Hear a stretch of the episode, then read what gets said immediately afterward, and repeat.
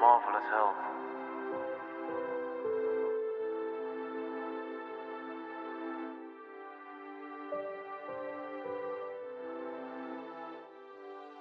Mijn naam is Mark van Lokven en welkom bij de derde podcast alweer van Marvelous Health. Uh, dit keer gaan we het hebben over een heel interessant fenomeen, uh, hersencapaciteit. Nou, ik ga jullie kort vertellen wat hersencapaciteit uh, inhoudt op hoofdlijnen. Um, en, en hoe je dat zou kunnen vergroten.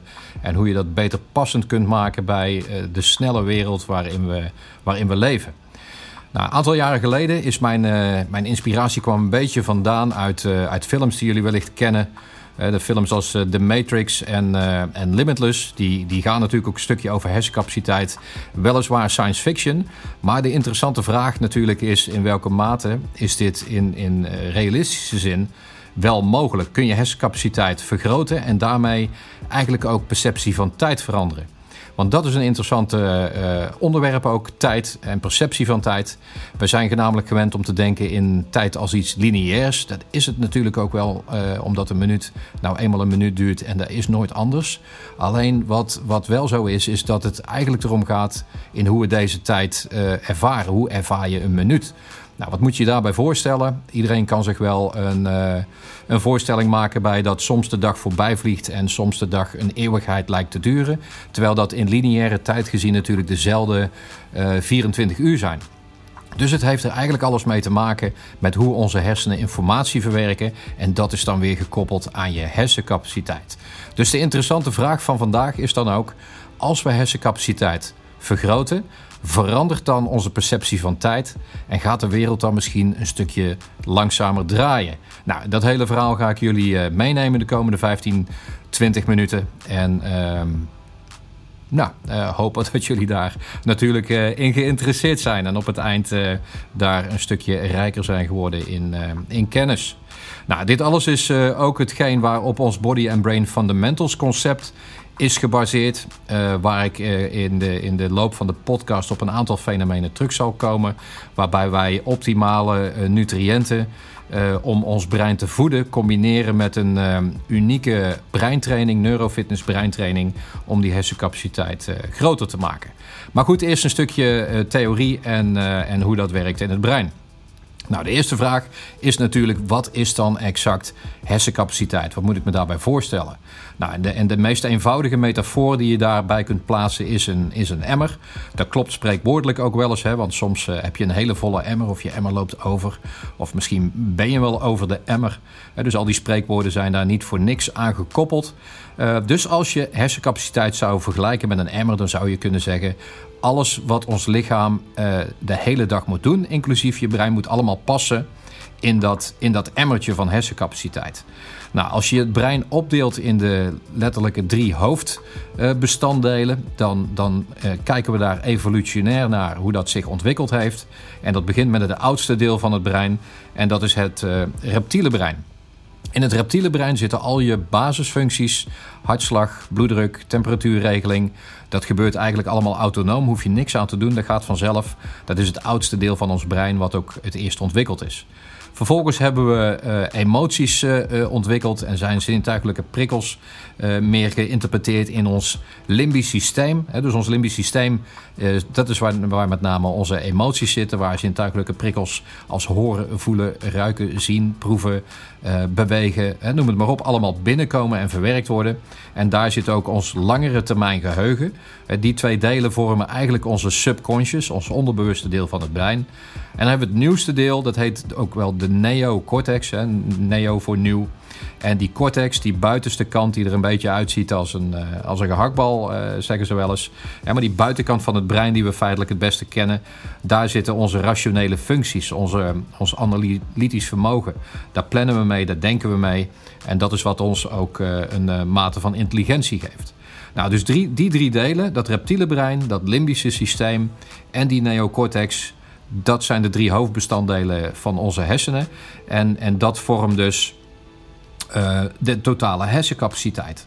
Dat betekent dus ook dat alles wat er in die drie delen gebeurt, de hele dag in het emmertje moet passen. Nou, dat reptiele brein is vrij constant, daar verandert niet zo superveel in. Uh, behalve in je fight-or-flight modus natuurlijk, dan gaat dat maximaal uh, aan. Uh, daar komt je, je emergency, je noodreactie komt daar vandaan. maar in dat limbisch systeem, daar gebeurt ontzettend veel. Want daar zit emotie. Nou, en stress, zoals je weet, is natuurlijk ook een emotie. En die kan de emmer nogal eens aardig vullen. En dan hou je minder ruimte over aan die kant waar de neocortex zit, waar je rationele denken zit. Dus dat verklaart ook een heel eind wanneer de emmer letterlijk vol zit met stress. En met allerlei uh, emoties of gedachten of vervelende ervaringen of noem maar op.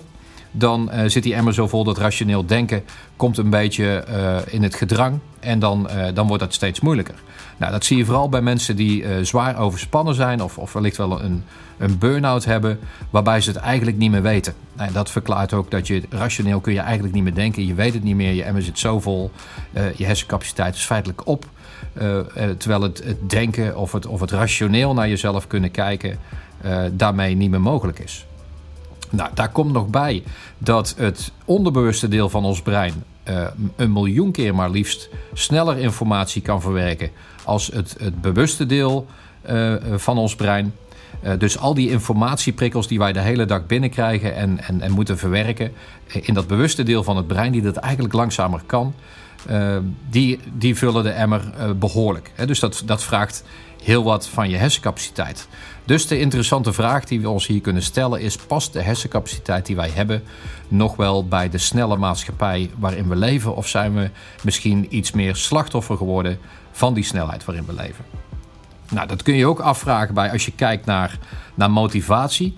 En uh, mensen die je wel eens hoort zeggen: ik, ik ben mezelf kwijt. Waar zit dat zelf dan?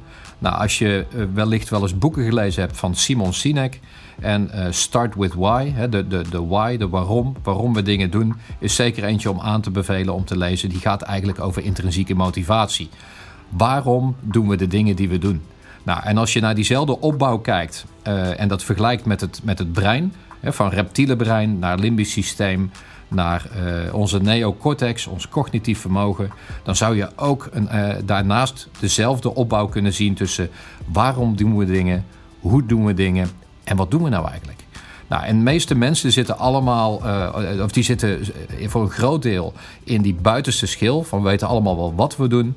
Uh, soms weten we ook nog wel hoe we dat dan allemaal doen. Maar waarom we doen, die echte intrinsieke motivatie, die is uh, vaak wat verder weg. Uh, en dat heeft alles te maken met het feit dat die, dat die emmer zo vol zit. Nou, dan gaan we eerst even een klein stukje inzoomen om, op wat kleine theorieën over, over de hersenen. Om een beter begrip te krijgen over wat, wat kun je daar nou mee? Hoe kan het nou dat in deze tijd, nog los van de snelheid waarin we dingen moeten doen, dat brein zo vol zit? Nou, dat heeft te maken met een, een fenomeen in het brein wat neuroplasticiteit heet. En dat is een, een mooi woord voor iets wat eigenlijk wil zeggen het vermogen van de hersenen om zich continu aan te passen in het aantal verbindingen.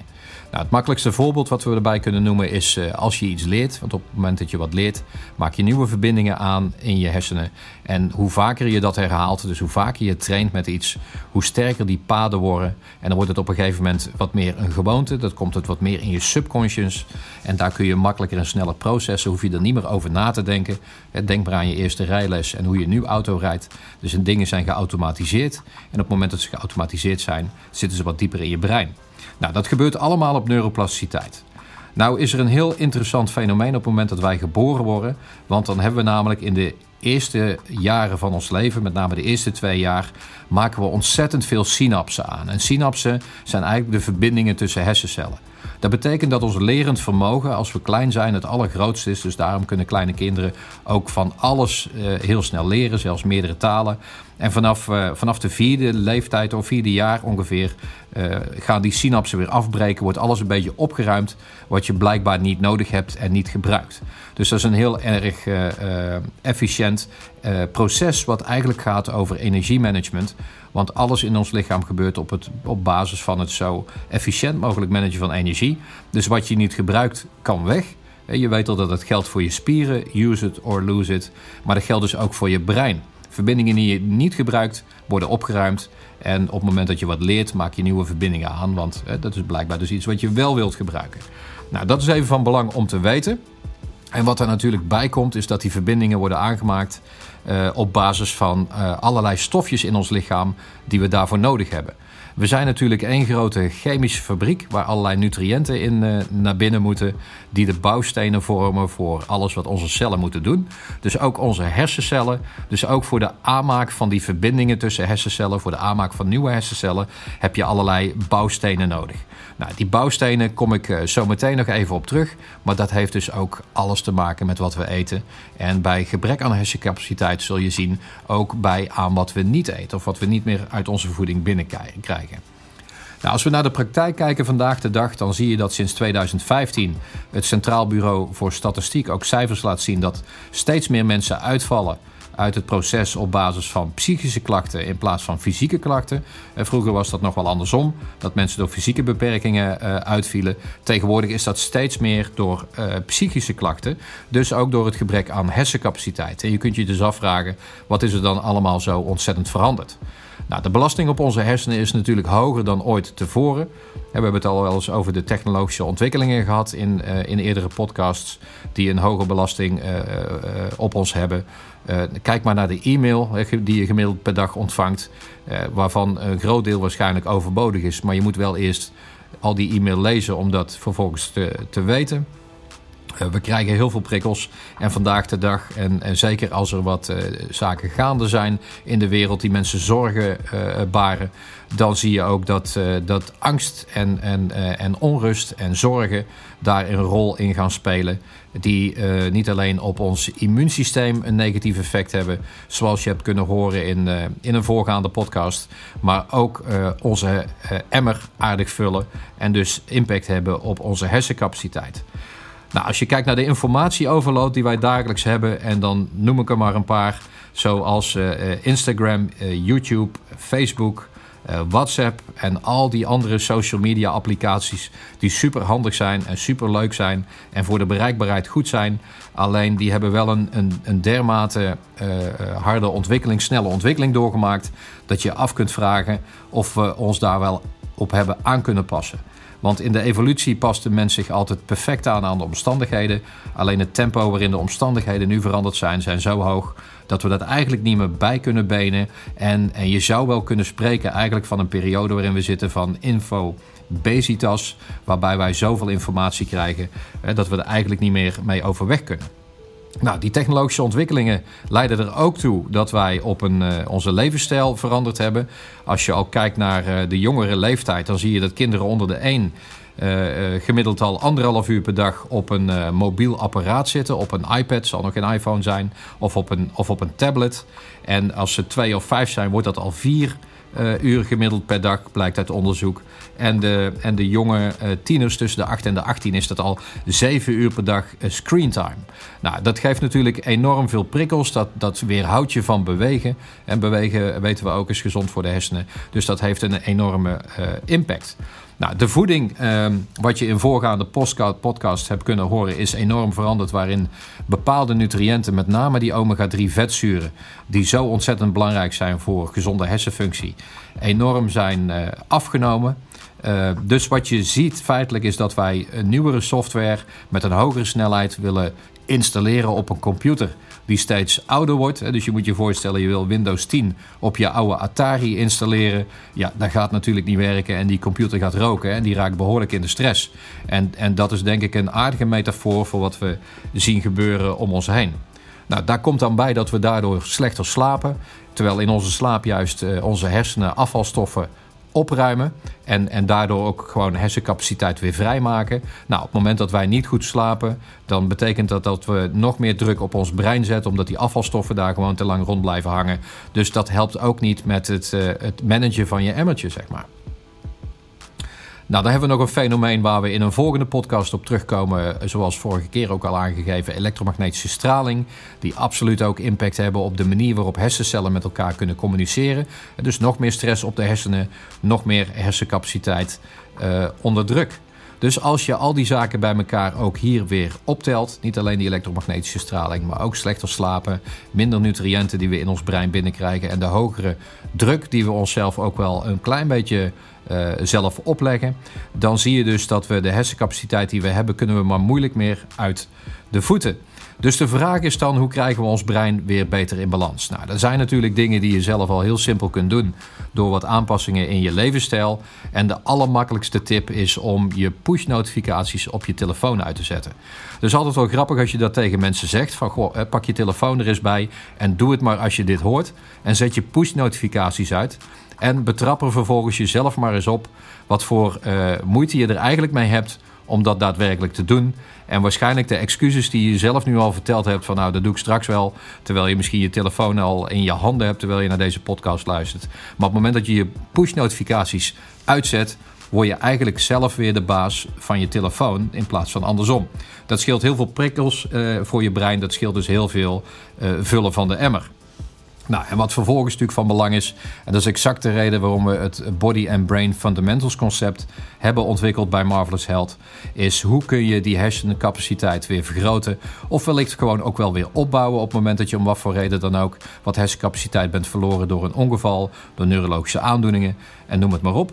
Nou, daar is een, een, een heel goed handvat daarvoor, waarbij we de afgelopen jaren echt ontzettend goed resultaat ook hebben gezien. En altijd succesvol is zorgen dat je dat brein goed voedt met de juiste nutriënten. Daar hebben we natuurlijk ons uh, high-end omega-3 product voor. En ook een uh, optimale breinvoeding blend op basis van natuurlijke stoffen. En op het moment dat je die hersenen goed voedt met de juiste stoffen en de juiste brandstoffen zitten erin, dan gaan we dat prikkelen met onze neurofitness breintraining. En dan kun je echt in een, uh, in een uh, aantal weken, uh, twee, drie maanden, bouw je hersencapaciteit op. En dat kun je meten, dat ervaar je in je dagelijks leven of in je sport, in wat je doet. En daar hebben we tal van voorbeelden van die dat laten zien. Dus uh, in het kort hersencapaciteit, hè, vergelijk het met een emmertje, uh, realiseer je goed dat de voedingsstoffen die we tekort komen eigenlijk een negatief effect erop hebben, omdat ze minder goed kunnen functioneren op kwalitatief niveau. En qua uh, kwantiteit, dus het aantal verbindingen in je brein, als je dat kunt stimuleren om dat uit te breiden en je hersencapaciteit wordt groter, dan heb je wat minder stress. Dan draait de wereld vanuit je perceptie weer wat langzamer, geeft veel meer rust en je zult ervaren dat daarmee uh, nou ja, je vergrote hersencapaciteit uiteindelijk ook leidt tot meer kwaliteit van leven. Nou, daar wil ik het bij laten voor, uh, voor deze podcast wat hersencapaciteit betreft. We gaan nog wat uitgebreider terugkomen ook op die neurofitness breintraining en wat die dan precies doet. Dus uh, stay tuned voor onze volgende uitzendingen. En hartelijk dank voor het luisteren. Tot een volgende keer.